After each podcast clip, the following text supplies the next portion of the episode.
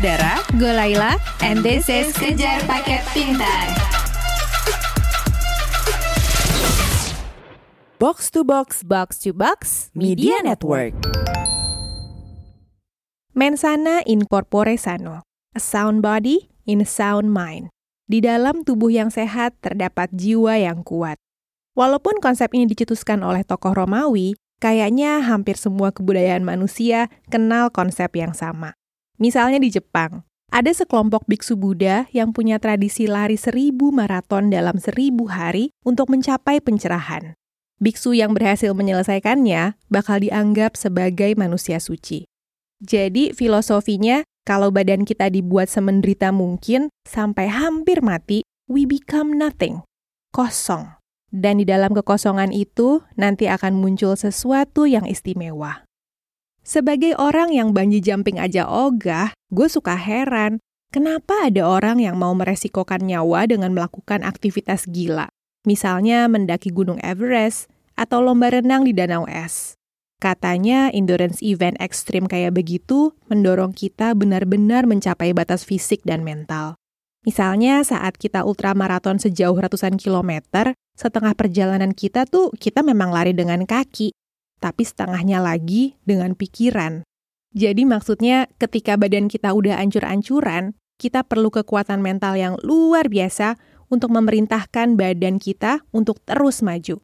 It's our instinct to survive. Di episode ini kita akan mengangkat dua cerita tentang mental resilience alias ketangguhan mental yang dicapai lewat endurance fisik yang luar biasa. No, I'm not a talker really. I never have been one. You know, people don't really know my story, and I'm fine with that. But now that I'm spending most of my time waiting here in the garage, I feel like maybe this is a good moment to share my story with you. Ini Diego Yanuar dari Jakarta. Dari kecil, Diego itu adalah anak yang kalem, pendiam, dan tenang. Dari kecil aku tuh orangnya pendiam gitu, anak-anak yang pendiam. Kalau ibuku, bapakku bilang tuh aku pendiam. Um, kakakku perempuan adikku perempuan. Jadi aku cowok sendiri di siblings aku. Terus aku udah biasa kayak yang cowok ngalah lah gitu. Pokoknya udah sering gitu deh. Nah, aku nggak apa-apa juga. Maksudnya emang bukannya gara-gara kata-kata itu aku jadi harus ngalah tapi emang mungkin ada bawaan aku juga kayak yang nggak apa-apa juga gitu. Yang yang pokoknya dibawa santai semuanya. Tapi meski kalem dan tenang Diego termasuk anak yang aktif banget. Dia senang beraktivitas fisik khususnya di outdoor berapa bulan lalu aku, aku baru sadar kayak dari kecil sampai sekarang tuh aku bener-bener aktif terus gitu kayak atau dari dari kecil tuh aku suka nyari ikan cere terus main layangan terus naik lagi aku suka main bola terus akhirnya teman-teman udah pada kerja segala macam aku naik gunung.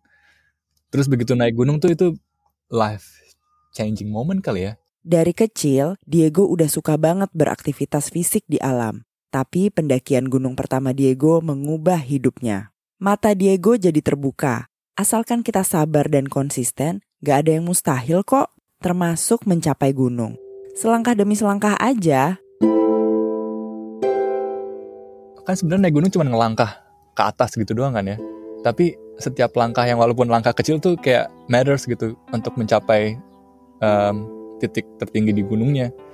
Kayak aku belajar dari situ kayak sebenarnya nih ini kaki ini tuh bisa bisa ngebawa kamu ke mana aja di bumi ini gitu terus yang mulai dari situ ya many things happen kali aku aku mulai ikut um, lomba lari dan lomba lari di gunung sampai 130 kilo, eh gue bisa juga nih lari di gunung 130 kilo gitu terus. Setelah jatuh cinta dengan naik gunung di tahun 2013, Diego jatuh cinta pada seorang perempuan dari Belanda bernama Marlies Venema. Mereka pertama ketemu di sebuah acara lari saat Marlis sedang berkunjung ke Jakarta.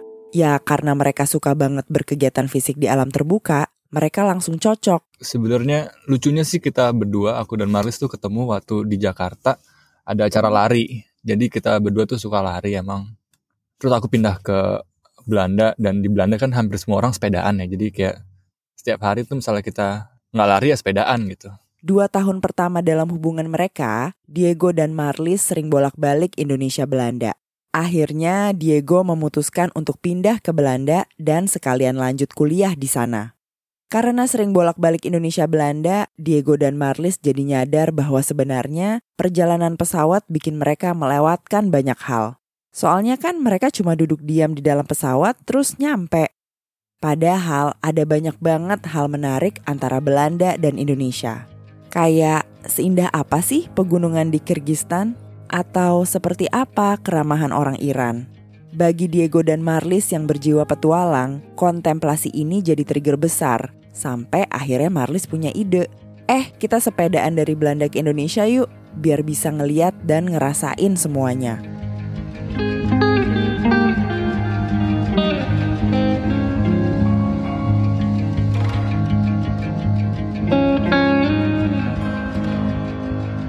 Bentar. Gimana gimana? Naik sepeda dari Belanda ke Indonesia? Ya, lo nggak salah dengar. Tepatnya dari Nijmegen, kota asal Marlis di Belanda, sampai ke rumah Diego di Jakarta, Indonesia.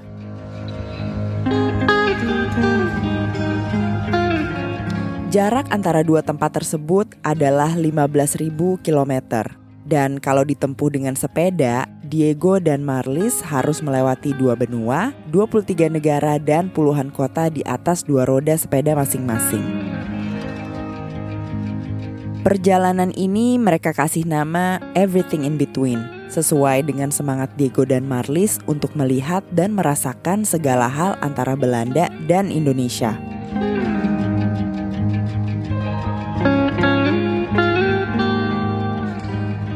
Gue nggak kebayang gimana ya mereka menjalani perjalanan ini. Persiapannya tuh kayak apa? Tapi seperti karakter Diego yang kalem, persiapan mereka tuh juga dalam tanda kutip kalem, nggak heboh sama sekali. Kita juga bukan yang tiap hari ngerencanain kayak tiap hari duduk bareng terus harus lewat mana lewat mana kayak ini kayak ide-idenya ke apa ya kayak kebesaran buat di ngomongin tiap hari gitu jadi kita cuman hidup sehari-hari terus ya nabung aja gitu tapi misalnya ada waktu kosong dan kebetulan kita berdua lagi uh, moodnya sama ngomongin bareng gitu terus kita duduk terus udah gitu. Je hebt zeg maar Leipzig en uh, een beetje zo. En als wij dan hier gaan zitten, gaan we nog verder zo en dan zo. Maar we kunnen ook zo. Ja. En die camping ligt er net een beetje onder. En I found Onderland. like there were so many campings, but I found one camping where we don't have to climb too much. For this this camping, it's 200 meters climbing. And then from there to Leipzig, it's 400 meters. Dresden, it's 400 meters climbing, but over 100 kilometers. So Kalau nggak ada persiapan khusus, memangnya nggak takut ya? Mungkin Marlis yang kayak sempet agak takut gitu dia. Em, dia sempat ikut kursus kayak wilderness 101 gitu. Jadi gimana cara buat api tanpa korek api gitu. Gimana cara ngebelek ikan, gimana cara mendiriin tenda tapi pakai kayu di hutan gitu gitulah pokoknya. Sebenarnya itu nggak bener-bener kepake, tapi dia kayak buat ngeset mindsetnya dia untuk lebih baik. Gue bisa ini nih, kayaknya gue siap nih gitu. Sikap santai dan ngalir ini juga tercermin dalam tujuan mereka. Buat apa sih Diego dan Marlis melakukan perjalanan ini? Mungkin lo semua ada yang nebak mereka tuh punya alasan yang filosofis, puitis, atau romantis. Misalnya untuk mempererat hubungan mereka. Tapi enggak tuh, Diego dan Marlis enggak membebani perjalanan ini dengan tujuan yang ini itu. Bertujuan nyampe Jakarta aja enggak. Kalau sampai syukur, kalau enggak ya udah nggak apa-apa. Tapi emang bukan tujuan kita untuk kita makin solid juga sih, enggak. Makanya kita emang benar-benar pingin ngelihat warna lain kali ya. Soalnya nggak pernah ada tujuan sampai di Jakarta kita harus seneng-seneng dan kita harus hubungan kita harus makin bagus. Nggak pernah ada omongan kayak gitu sama sekali. Jadi kita berdua emang pingin ngelihat everything in between, di apa pun itu di antara negara kita ataupun kita berdua secara individu gitu.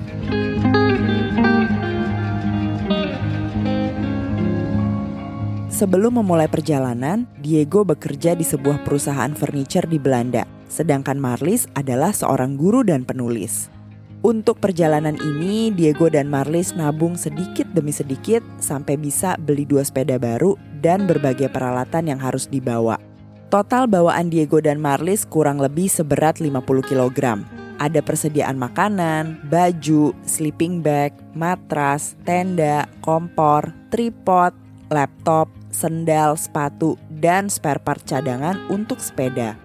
Pada tanggal 2 April 2018, Diego dan Marlis membuat kayuhan pertama mereka dari Belanda.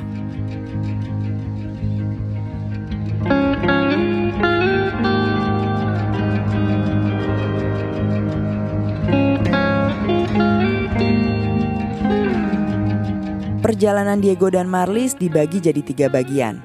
Yang pertama, The Smooth Road, melewati negara-negara Eropa yaitu Belanda, Jerman, Ceko, Austria, Slovakia, Hungaria, Kroasia, Serbia, Romania, Bulgaria, dan Turki. Kemudian, The Middle Earth, melewati negara-negara Asia Tengah seperti Iran, Turkmenistan, Uzbekistan, Tajikistan, Kyrgyzstan, Nepal, dan India. Dan yang terakhir, The Coming Home, melewati negara-negara Asia Tenggara seperti Myanmar, Thailand, Malaysia, Singapura, dan tentunya Indonesia.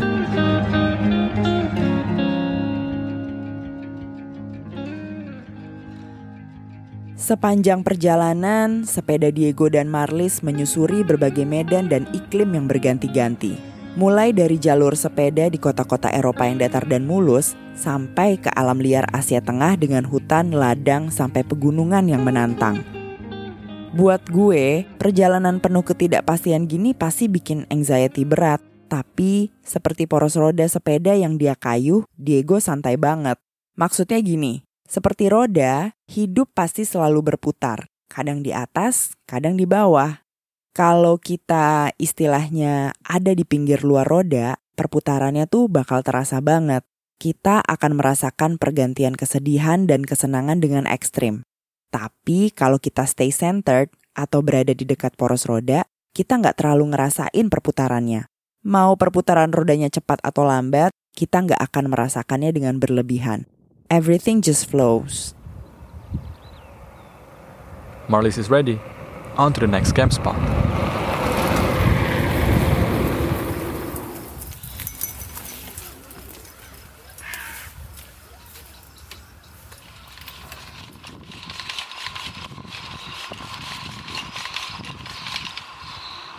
Sama seperti dalam perjalanan ini, kalau Diego dan Marlis capek, ya berhenti aja ngayuhnya, cari pohon buat berteduh dan istirahat. Kalau sudah mulai gelap, mereka juga langsung bikin tenda untuk bermalam. Gak ngoyok ngelanjutin goes. Pasti bakal ada kejadian-kejadian yang gak disangka sih. Seperti saat Diego dan Marlis nemu spot kemah yang indah banget di Turki. Spot itu kelihatannya sempurna banget, cocok untuk berkemah dengan pemandangan gunung Erciyes. Tapi ternyata Pagi-pagi setelah mereka bermalam, mendadak lokasi kemah itu didatengin oleh 400 ekor kerbau. Dengan santainya, Diego keluar tenda untuk ngitungin jumlah kerbau dalam gerombolan itu. Sementara Marlis lari naik atas bukit karena katanya dia belum siap mati. No. No? But they're running. Yeah, they're curious. Oh, waarom hebben wij Man, it is exactly 400 buffaloes. I counted it well.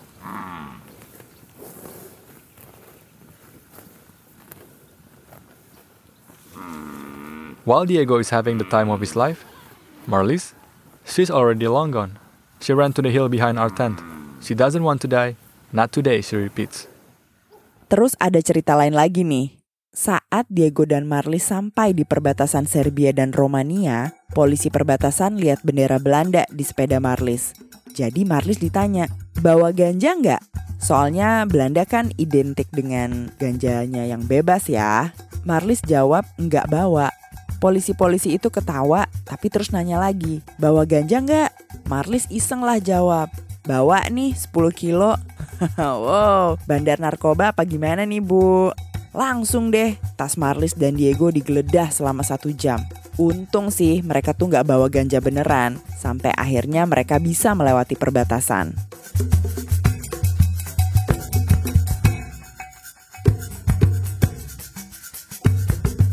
Dihampiri 400 kerbau dan disangka jadi bandar narkoba bukanlah cobaan terberat dalam perjalanan ini.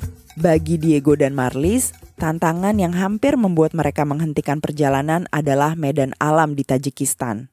3% dari negara Tajikistan terdiri dari wilayah pegunungan. Jadi, begitu masuk perbatasan Tajikistan, jalanan tuh langsung nanjak tanpa akhir. Diego Marlis harus terus goes sampai di titik tertinggi, yaitu 4.655 meter di atas permukaan laut. Di situ oksigen udah tipis banget, Sampai-sampai Diego dan Marlis nggak kuat genjot lagi. Mereka cuma bisa nuntun sepeda dan berhenti di setiap langkahnya.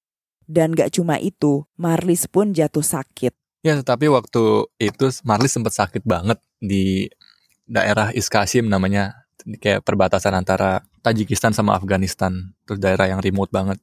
Dan misalnya dia mau pulang pun harus pesen helikopter, terus dari helikopter harus pesen uh, kendaraan 4x4 gitu ke ibu kotanya. Dari ibu kotanya baru bisa terbang ke Belanda.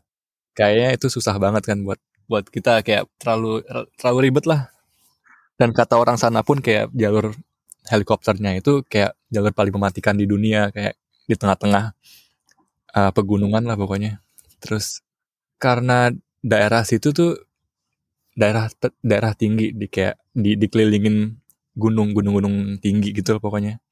Nggak ada tempat uh, pendaratan yang aman. Plus daerah pegunungan tuh anginnya nggak bisa ditebak. Ada beberapa kali kecelakaan lah pokoknya. Dan kayak Marlis bilang kayaknya gue nggak mau deh naik helikopter. Kayak gitu. Akhirnya dia mutusin untuk untuk tinggal uh, berapa hari dan untungnya sembuh jadi di Tajikistan itu sebelum berangkat aku udah ngecek kayak um, 90% orang Eropa atau Western yang ke sana pasti kena sakit perut pokoknya semuanya tuh keluar gitu nggak bisa nggak bisa nggak bisa ditelan deh mungkin dari air sih katanya tapi itu cuma buat orang Eropa doang ya, buat orang Barat. Mungkin aku apa gede di Jakarta yang biasa makan apa gultik apa gitu kan. Kayaknya perutnya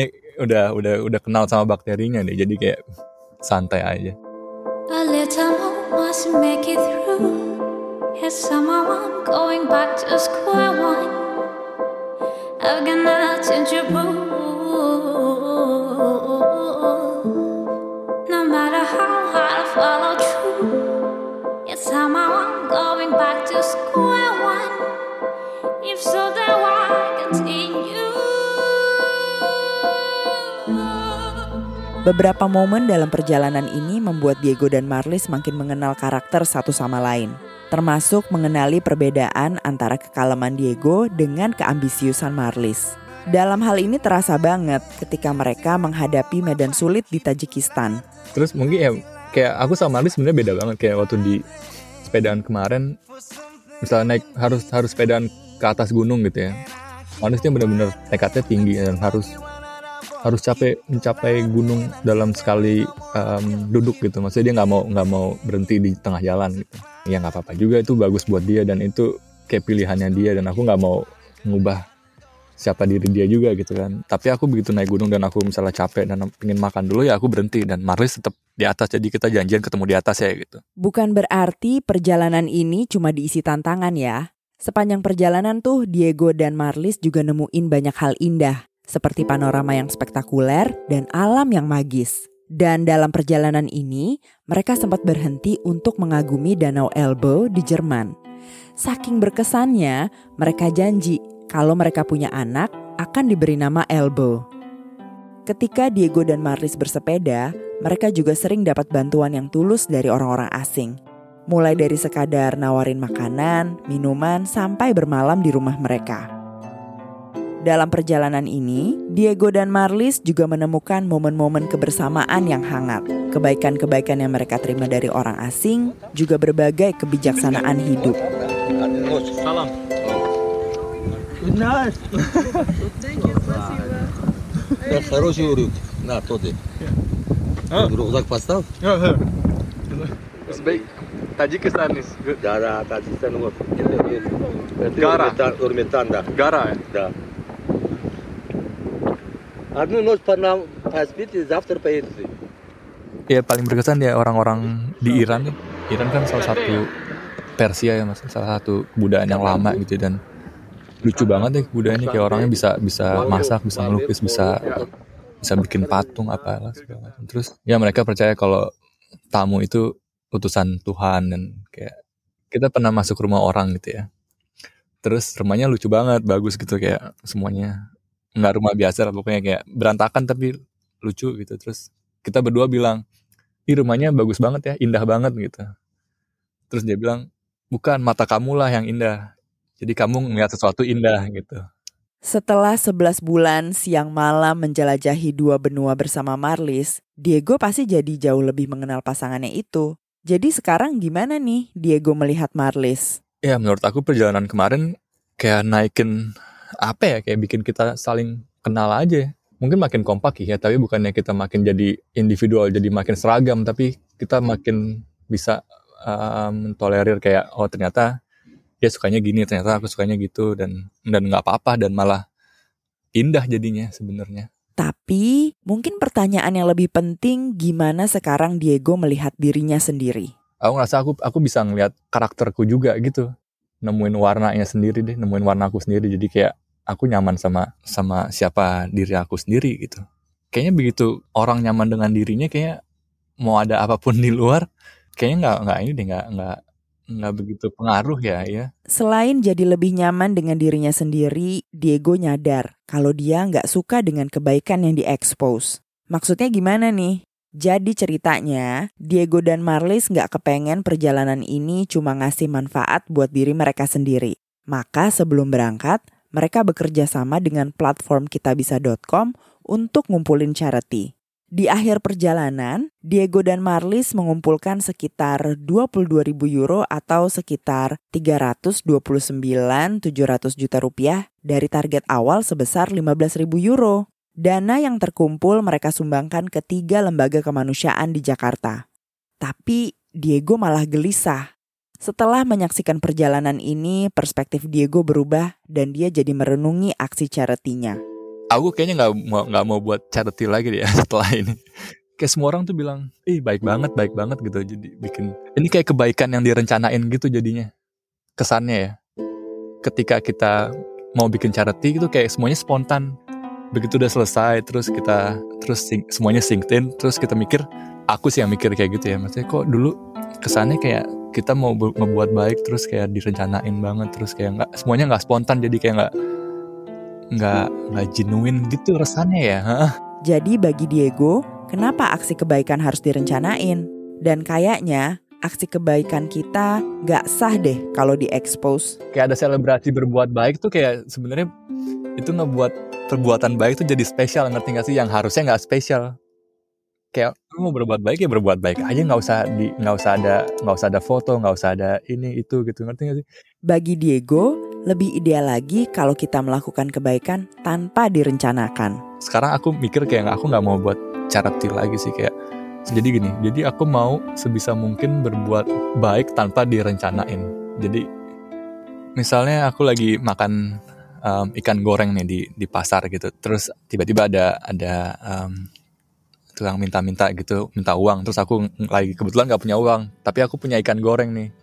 Jadi aku bisa makan bisa aku ngajak eh ini aku eh gue punya ikan goreng nih makan berdua aja yuk gitu. Kayak hal-hal spontan kecil tapi itu tuh bisa itu efeknya lebih gede banget menurut aku ke aku ya. Itu kayak kayak disurprisein sama diri sendiri jadinya. Small houses in villages silent streets feeling homesick doesn't exist because We're rolling through a long night, endless maze, tonight to find familiar faces. Pada tanggal 2 April 2018, Diego dan Marlis membuat kayuhan pertama mereka dari Nijmegen, Belanda. Dan mereka sampai di Jakarta, Indonesia pada 23 Februari 2019. Jadi perjalanan Everything in Between ini memakan waktu selama 332 hari setahun.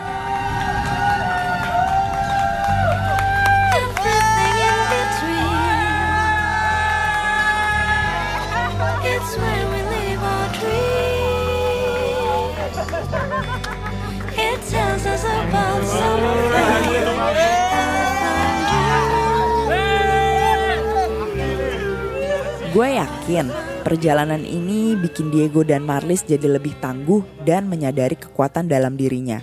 Kayak, oh gue bisa ya ngatasin segala tantangan fisik dan mental ekstrim sampai bisa sepedahan selama 15.000 km melewati puluhan negara. Tapi bener gini gak sih Diego? Mungkin sih ya, iya. Cuman bukan strength doang, tapi kayak weaknessnya juga aku terima semuanya gitu. Jadi kayak semua warnanya aku aku terima. Jadi, buat Diego kuat bukan berarti tough, keras, atau kasar. Baginya, kekuatan bisa berbentuk kelembutan yang mengalir seperti air. Dan kekuatan seperti inilah yang Diego dapatkan dari perjalanannya kayak air kan kalau dilihat-lihat maksudnya kalau dipikirin kalau dilihat kan bukan sesuatu yang kuat kayak beton gitu kan tapi air selalu mengalir ke mana aja dan cuman ya it can be powerful kalau lagi banjir kalau lagi apa segala macam air bisa ngerusak semuanya. Tapi air pun juga indah gitu misalnya ngeliat ombak dan kayak pecah segala macam kayak kayak menerima karakter yang kamu punya kali ya. Dan dan ya be okay with it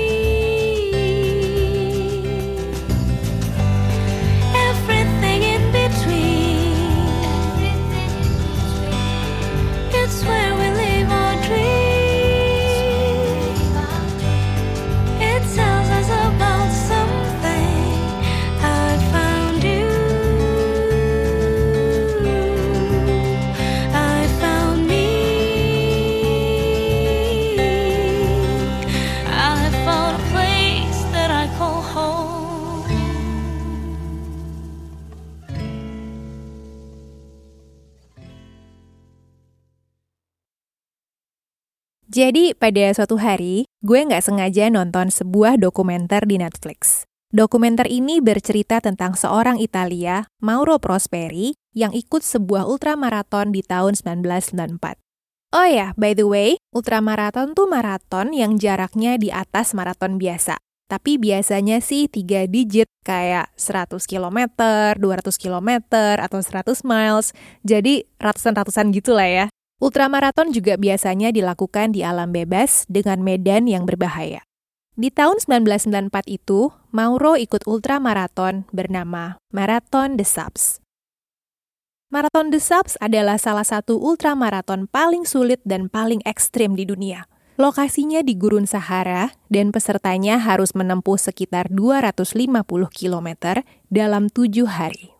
Di hari keempat Mauro ikut maraton The Subs, tiba-tiba terjadi badai pasir di Gurun Sahara, dan Mauro terperangkap selama 8 jam.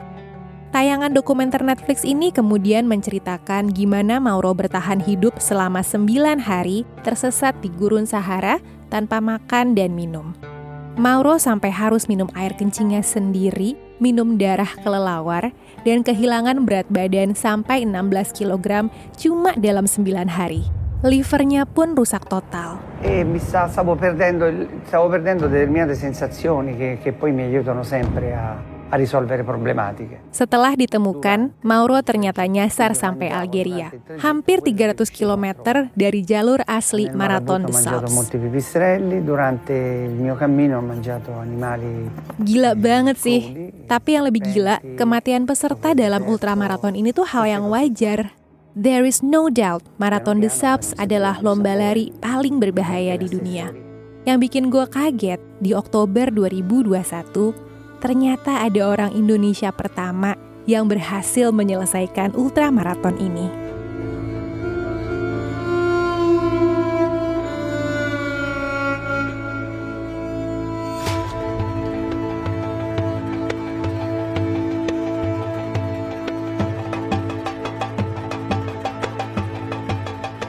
Omar Agus adalah seorang pria paruh baya yang kerja di bidang perbankan. Tapi Mas Omar suka banget beraktivitas di alam terbuka. In fact, Mas Omar pernah jadi atlet berlayar dan turut serta dalam PON 2004, PON 2008, serta meraih juara 4 dunia di J24 World Championships 2016 di Wakayama, Jepang. Tapi sekitar 9 tahun lalu, Mas Omar menekuni hobi baru, yaitu lari. Layar itu perlu ada di lokasi dan perlu seharian. Jadi karena saya perlu traveling ke Jakarta, jadi saya harus mengambil hobi yang baru yaitu berlari yang bisa saya lakukan di mana aja. Dan itu saya mulai sejak tahun 2011, 2012-an gitu. Awalnya Mas Omar mulai lari karena lari gampang dilakukan di mana aja, praktis gitu kan.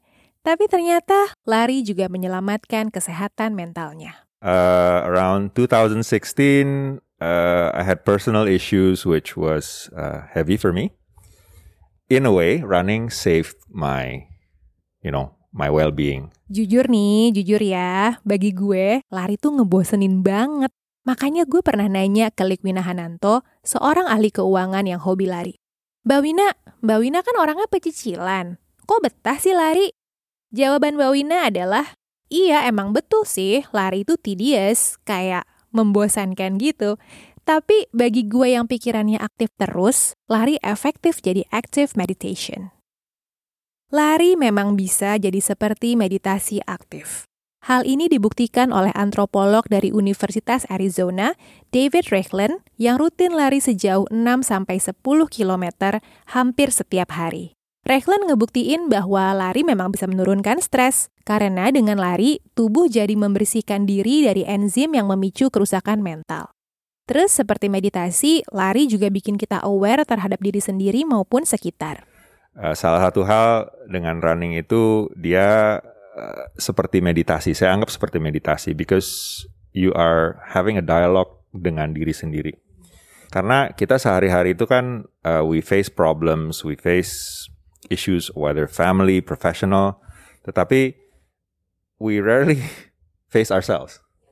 So dengan running itu apalagi dengan ultra marathon, you end up having a dialogue with yourself a lot dan dan itu yang menjadikan saya journey awal dari lari dan akhirnya jadi keterusan.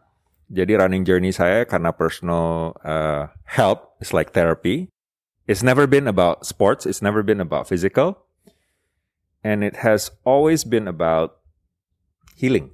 Setelah rutin lari selama 2 sampai 3 tahun, Mas Omar pun mulai ikut maraton biasa.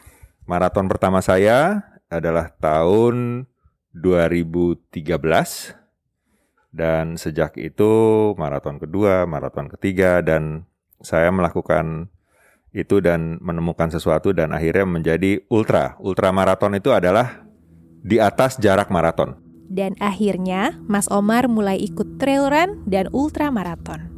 Saya ingat pertama kali saya ikut trail run itu di Rinjani and it was 36 kilometers and the start was midnight.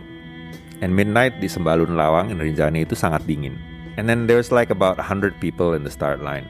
Pertama kali itu saya ikut trail race. Saya lihat, oh my god, I'm amongst crazies.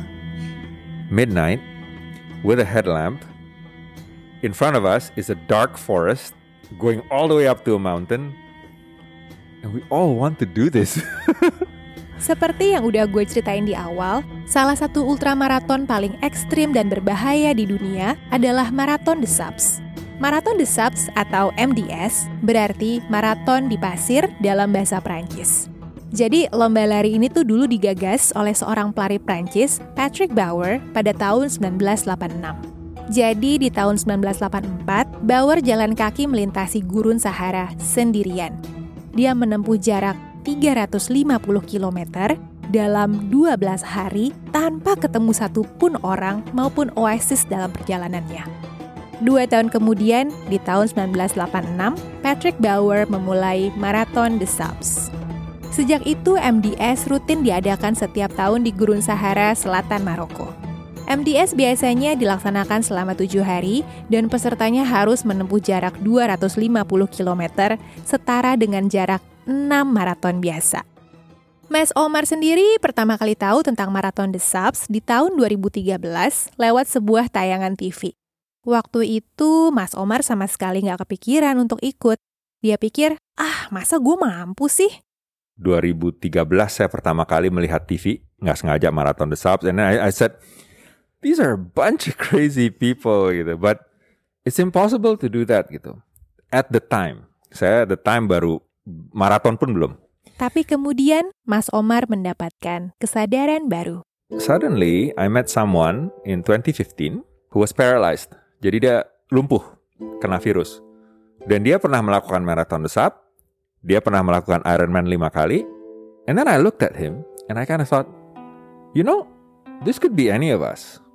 Today we can walk, hari ini kita sehat, walafiat, kita bisa jalan, kita bisa bekerja, kita bisa berlari, and then suddenly ketabrak bajai lah, or you know uh, kena serangan jantung, or any or kena stroke, and then suddenly you can't do anything. Maka di tahun 2017, Mas Omar memberanikan diri untuk daftar MDS. Tapi terus dia ragu dan kehalang oleh jadwal yang padat. Alhasil, Mas Omar batal bayar pendaftaran. Saya daftar, tapi I chickened out. Jadi mundur. Daftar, tapi belum bayar, akhirnya nggak bayar. Sampai suatu hari, seperti udah diatur takdir gitu ya, Mas Omar nggak sengaja ketemu mantan housemate-nya, seorang seniman dan biksu dari Cina. Prosesnya dia, dia dari pelukis, dia dari China, dari kota Xi'an, terus akhirnya jadi Buddhist monk. I saw the whole process. He was like my brother. And then saya ketemukan dia lagi, saya cerita sama dia. Song, his name is Song. Uh, you know that I've been wanting to do this race in the desert, but I put it off, you know. Do you think I should do it again? And Song told me, Omar, you always have to watch your intention. Kita harus selalu menyadari apa niat-niat kita. If you have an intention and you don't do it, it's gonna haunt you for the rest of your life. And just like that, besoknya Mas Omar langsung daftar MDS. Sayangnya nggak lama kemudian pandemi COVID menyerang, sehingga MDS ditunda sampai tiga kali. Baru pada tahun 2021, Mas Omar akhirnya resmi jadi peserta Marathon The Subs pertama dari Indonesia.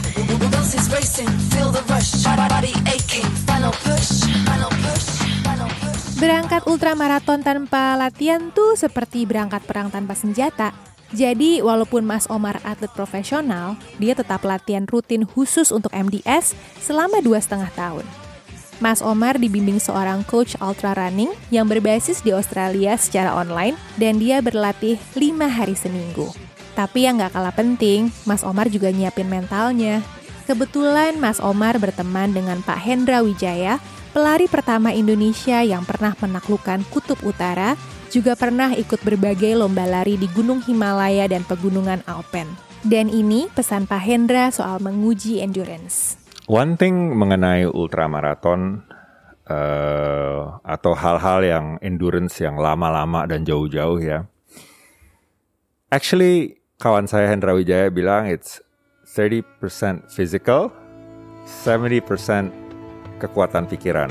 He defines kekuatan pikiran and mental strength as two different things. I can explain to you that, but basically it's 70% your head.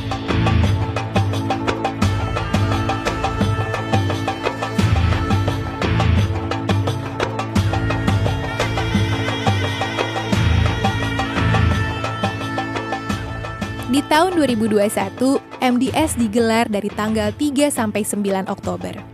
Jadi, selama tujuh hari, peserta MDS harus lari sejauh 250 km, melewati enam etape atau tahap di gurun Sahara yang luar biasa panasnya. Sambil lari, tiap peserta harus bawa sendiri semua perlengkapan survivalnya. Makanan, minuman, sleeping bag, perlengkapan medis dan pompa binatang berbisa, lampu, juga kompor. Waktu itu berat tas Mas Omar mencapai 10,5 kilogram. Tapi sebelum MDS, Mas Omar udah latihan. Dia udah ngebawa ransel itu ke mana-mana selama tiga bulan. Dan bekal makanannya nggak boleh asal bawa loh. Makanan yang dibawa harus praktis, tapi bisa memenuhi kebutuhan kalori tiap peserta, yaitu minimal 14.000 kalori untuk tujuh hari. Panitia MDS akan menimbang dan memeriksa bekal makanan para peserta dengan teliti. Kalau hitungan kalorinya meleset, taruhannya nyawa loh. Bayangin kalau ada peserta yang tersesat di gurun kayak Mauro Prosperi. Bekal mereka harus cukup untuk survive.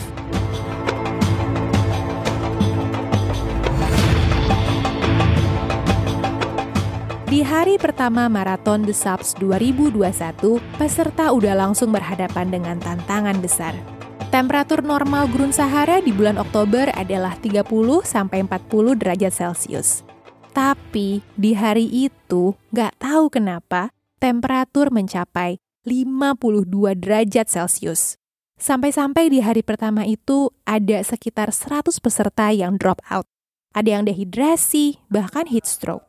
Uh, the conditions were so bad Jadi 50% peserta itu drop dan nggak pernah dalam sejarah MDS itu segitu banyak drop dan yang meninggal itu ya saya lewat dia dia meninggal dan Ultramaraton memang bukan cuma ajang menaklukkan jarak jauh, tapi juga ajang bertahan hidup. Mas Omar sendiri pernah menyaksikan temannya meninggal serangan jantung saat sedang ultramaraton bareng di Bromo. Actually, uh, saya pernah lomba ultra di Indonesia juga. Saya gagal menyelamatkan nyawa orang, so it's very personal to me to see somebody lying on the ground, and makanya saya sejak itu menjadi uh, certified uh, kayak CPR sama AED karena ya yeah, that, that was the personal experience in, in in Bromo. Somebody died in my in my arms but practically I I didn't know how to save him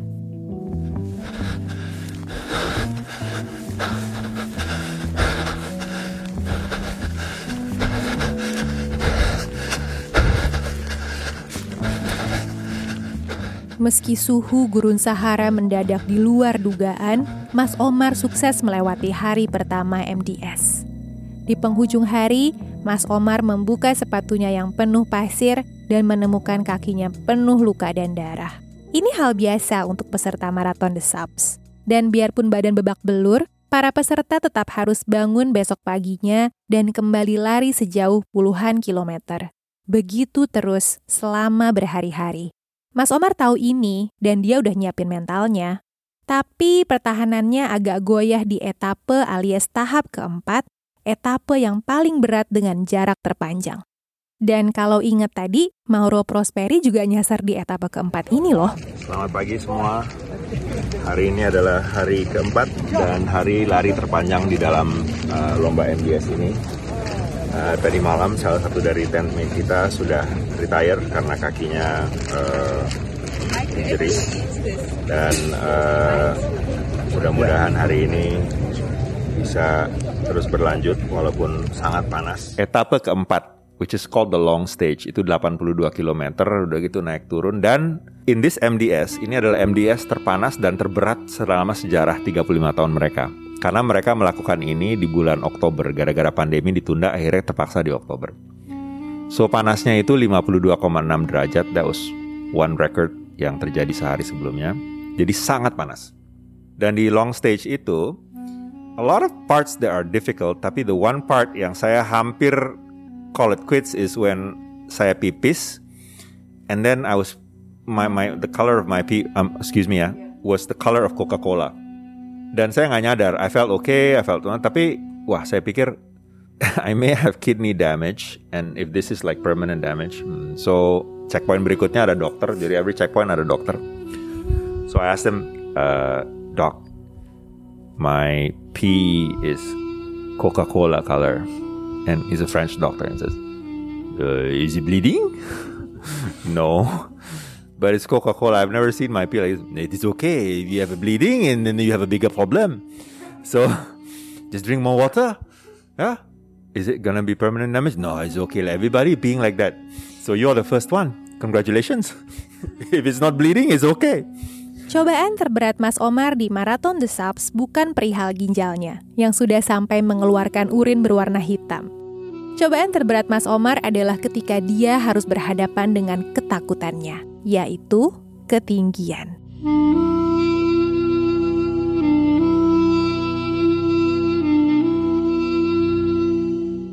Iya, Mas Omar takut banget sama ketinggian, ini ironis karena dia adalah ultra runner yang kadang harus naik turun tebing atau gunung. Mas Omar juga tahu bahwa pada suatu titik di MDS, dia harus manjat sebuah tebing tinggi di gurun Sahara. Malam sebelum para peserta harus menjajal tebing itu, Mas Omar curhat ke seorang Amerika sesama peserta MDS bernama Mike. When we were walking together, saya bilang, Mike, I'm afraid of heights. Can you please be with me. I know that you want to catch the best timing or whatever you want to be, but I really need your help. And Mike said, Omar, I won't leave you. I, I will take care of you. We are friends. We will look out after each other. Thank you, Mike. Jadi mereka janjian, saat mendaki, Mike bakal jagain dan nenangin Mas Omar kayak babysitter gitu. Maka posisi panjat Mike akan selalu berada di atas Mas Omar. Jadi Mike di atas tali saya lagi na ya naik tebing itu, saya di bawahnya dia. Tapi tiba-tiba And at one point ada perempuan di tengah-tengah yang tidak ditali suddenly came in between us. She was exhausted. I saw her in checkpoints before. Dia tergeletak di medical facilities. And uh, she came in between the rope. So Mike keeps going, and I have this lady on top of me. So my babysitter is gone. And I'm having to fend myself alone. Seorang ibu-ibu paruh baya mendadak menyalip jalur panjat antara Mike dan Mas Omar.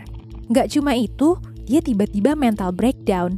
Ibu-ibu ini merasa dia akan mati di situ karena nggak sanggup lanjut. And while we were going up, the lady had a mental breakdown. Dia mulai nangis-nangis gegerungan gitu. And uh, you're on top of a rope, and it's almost vertical, and you're trying to hang on to this rope because if you ha- if you let go of the rope, you're gonna roll down. And down below you is like another, I don't know, five, ten people.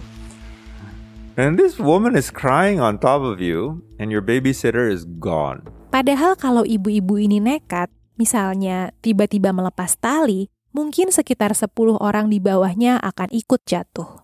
So in my fear of heights, I had to manage the situation karena kalau dia mental breakdown and she faints, she's gonna fall. She's gonna take me down with her, and I'm in deep shit, right? So I, akhirnya saya was talking to a five year old. You're gonna be fine. What's your name? You can just sit down, t- sit on the ledge, and, and just take a breather. We're not gonna rush you. So I became the babysitter.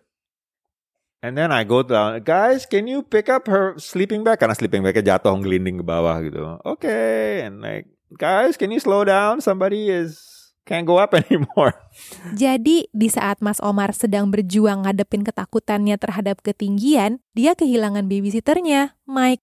Dan Mas Omar pun malah harus jadi babysitter untuk ibu-ibu tadi. Finally kita reach the top, and abis itu kita turun gunung, and I ran with Mike again, and suddenly I saw this headlamp keluar dari jalur gitu, dan kita di tengah gurun pasir itu sangat mudah tersasar seperti yang di Netflix itu.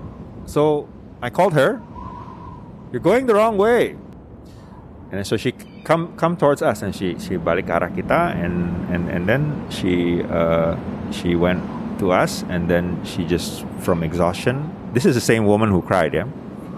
She collapsed, just jatuh aja and she says, "I'm 51. I'm a grandmother and I have two granddaughters." I said, "Good for you." So these are the kind of people you meet in the desert. So she's a grandmother, and she just pushed everything that she got to get on that cliff, and now running back, and we still have another like 20 kilos to go in the heavy sand, and and and I just think, wow, this is an interesting experience. She just she had nothing more to say than say, "I'm a grandmother and I'm 51." Pada akhirnya, Mas Omar berhasil menyelesaikan maraton The Subs selama 53 jam, 33 menit, dan 53 detik. Dari total 672 peserta, cuma 353 peserta yang berhasil menyentuh garis akhir dengan selamat. Termasuk Mas Omar. Yang mengharukan, Mas Omar melewati garis finish dengan membawa bendera merah putih. Omar Agus resmi jadi pelari Indonesia pertama yang berhasil nyelesain maraton The Subs, kompetisi lari paling ekstrim di dunia. Apa sih yang ada dalam pikiran Mas Omar waktu dia selesai naklukin MDS? Oh, my MDS finish. Selama enam tahun kan di dalam pikiran saya tuh ya. I thought I was gonna cry with joy. I was gonna like, wah lega atau apa. And didn't happen. 30% perasaan saya adalah, God damn, I'm glad this is done. Because it was defining my life for six years. I only wanted to do this. Saya ngerjain trail run, ngerjain runs, everything just to finish this. That's 30%. But the 70% yang mengerikan. What next?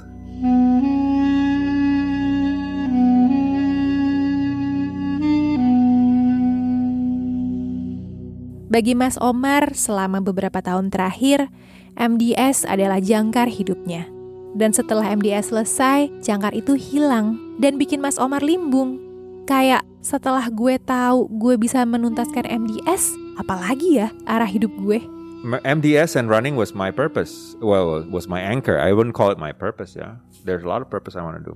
Jadi perasaan saya itu adalah perasaan dengan tanda tanya gitu. Apalagi gitu. And that's the scary part in mind because I don't know what's next. Gue sendiri kepengen tahu apa yang ada dalam kepala Mas Omar saat dia berhadapan dengan gurun Sahara yang luas dan agung dengan segala bahayanya.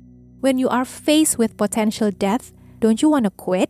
I have a library of videos of myself yang saya rekam kalau saya lagi mau gagal dan saya lagi mau nyerah. Ada di beberapa race gitu. Dan saya selalu bikin video. I do a selfie video. Dan ini saya mau kasih lihat kawan saya, Mike. I'm gonna show you your feet. Says Mike, Nantu, Yuri. ¿Qué pasó? ¿Qué pasó? México. Desde Sahara para Indonesia, para todas mis futuras novias. What was going through my head is, yeah, you sometimes you reach this thing what ultra runners call the God zone. You just want to curl up and die because it's so painful. What goes on through my mind is faith that don't make long-term decisions with temporary feelings. Jangan bikin keputusan abadi dengan perasaan yang cuma sementara. Rasa capek bisa dihilangkan, tapi perasaan menyesal karena nggak menyelesaikan MDS bisa selamanya. That feeling is temporary. You feel like that because you're short on glucose, because you're tired, you need rest, but that's that's that's not you. And you have belief that okay, I go and eat this candy bar or two, three candy bars and sit down for a while and I'll be okay again. Dan selalu, hampir selalu, alhamdulillah, itu is like that. Jadi ya orang-orang ultra, orang-orang endurance itu selalu merasakan ya itu tadi you hit the wall, just hit the wall. And know that this just the, this wall is temporary. And in life is the same, you know. Uh, when we are in our valley, we're never we're not always in our mountains, we're in our valley. Don't panic. Dalam hidup, kita pasti pernah berada di puncak, pernah juga berada di lembah. Dan saat kita lagi di dalam lembah, pesan Mas Omar, jangan panik dan jangan ladenin godaan hati untuk nyerah. Kalau memang mau nyerah, harus karena alasan logis. And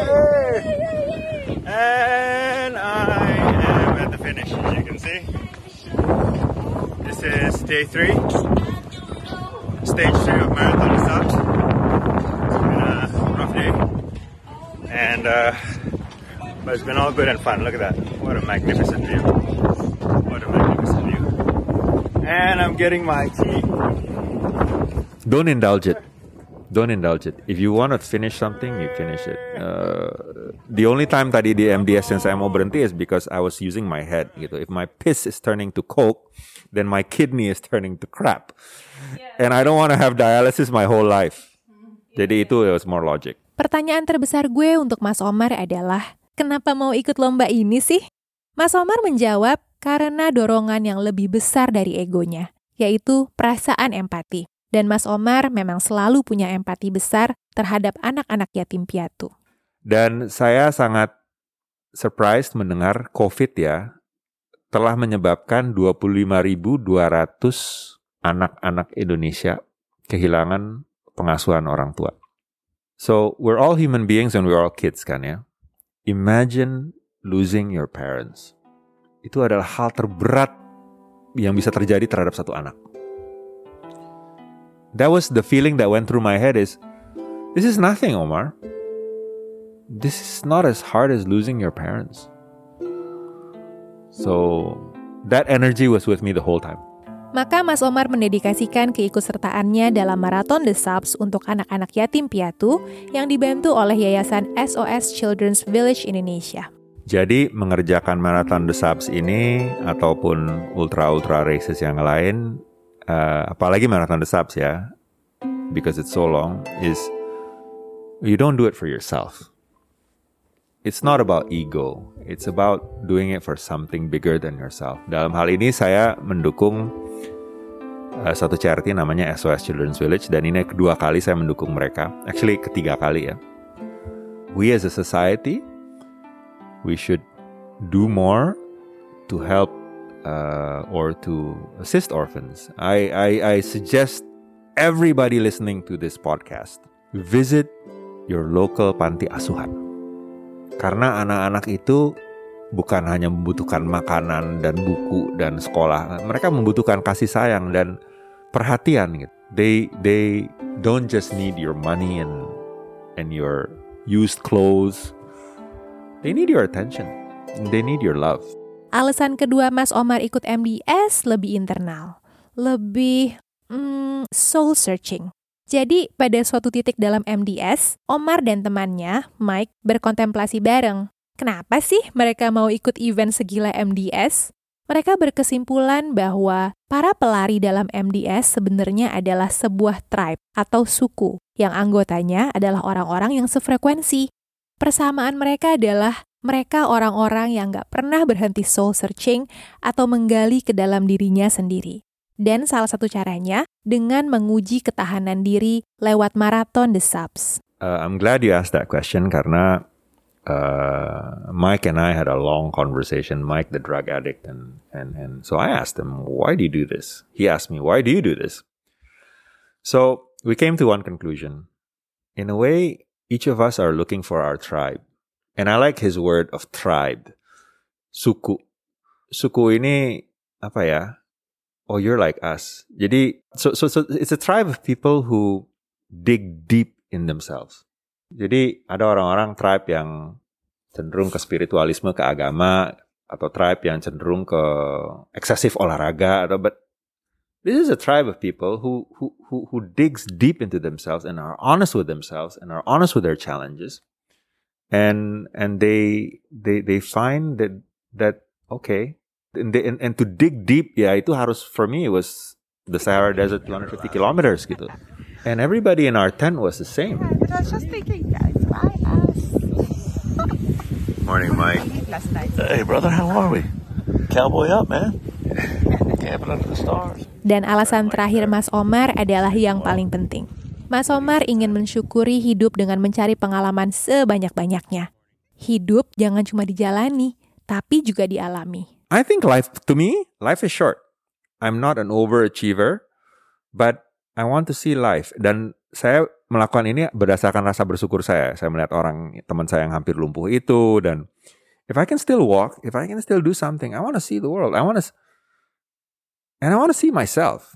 I want to see if I can do it. Dan uh, saya juga dulu di olahraga layar juga sama. Uh, I'm seasick, so I suffer when I go out to sea. But I enjoy it. Yeah, I I I think life should be spent experiencing. Dan setelah menjalani sebuah experience sebesar maraton The Subs, ada nggak sih perubahan dalam diri Mas Omar? And uh, a lot of people ask me the other question is, are you different after MDS? Uh, I think I am. Conclusion saya, the difference I want to make is I I want to become a, a kinder person. I want to do more good. And I don't know where that came from. And yeah, that was the moving part. Sorry about that. It's okay. It's very personal to me. I can only imagine. A little more must make it through. Here's someone going back to square one. Kejar Paket Pintar diproduseri oleh Laila Ahmad, Dara Hanafi, dan Tria Ningsih. Support kami dengan follow dan like semua akun podcast dan media sosial Kejar Paket Pintar. Jangan lupa dengerin episode-episode lain dan share ke teman-teman kamu ya. Gue Laila. Gue Dara, dan ini adalah Kejar Paket Pintar.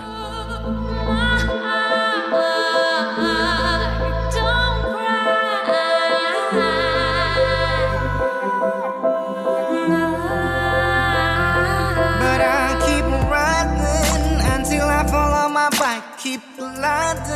until I run out of spot. Keep fighting for something.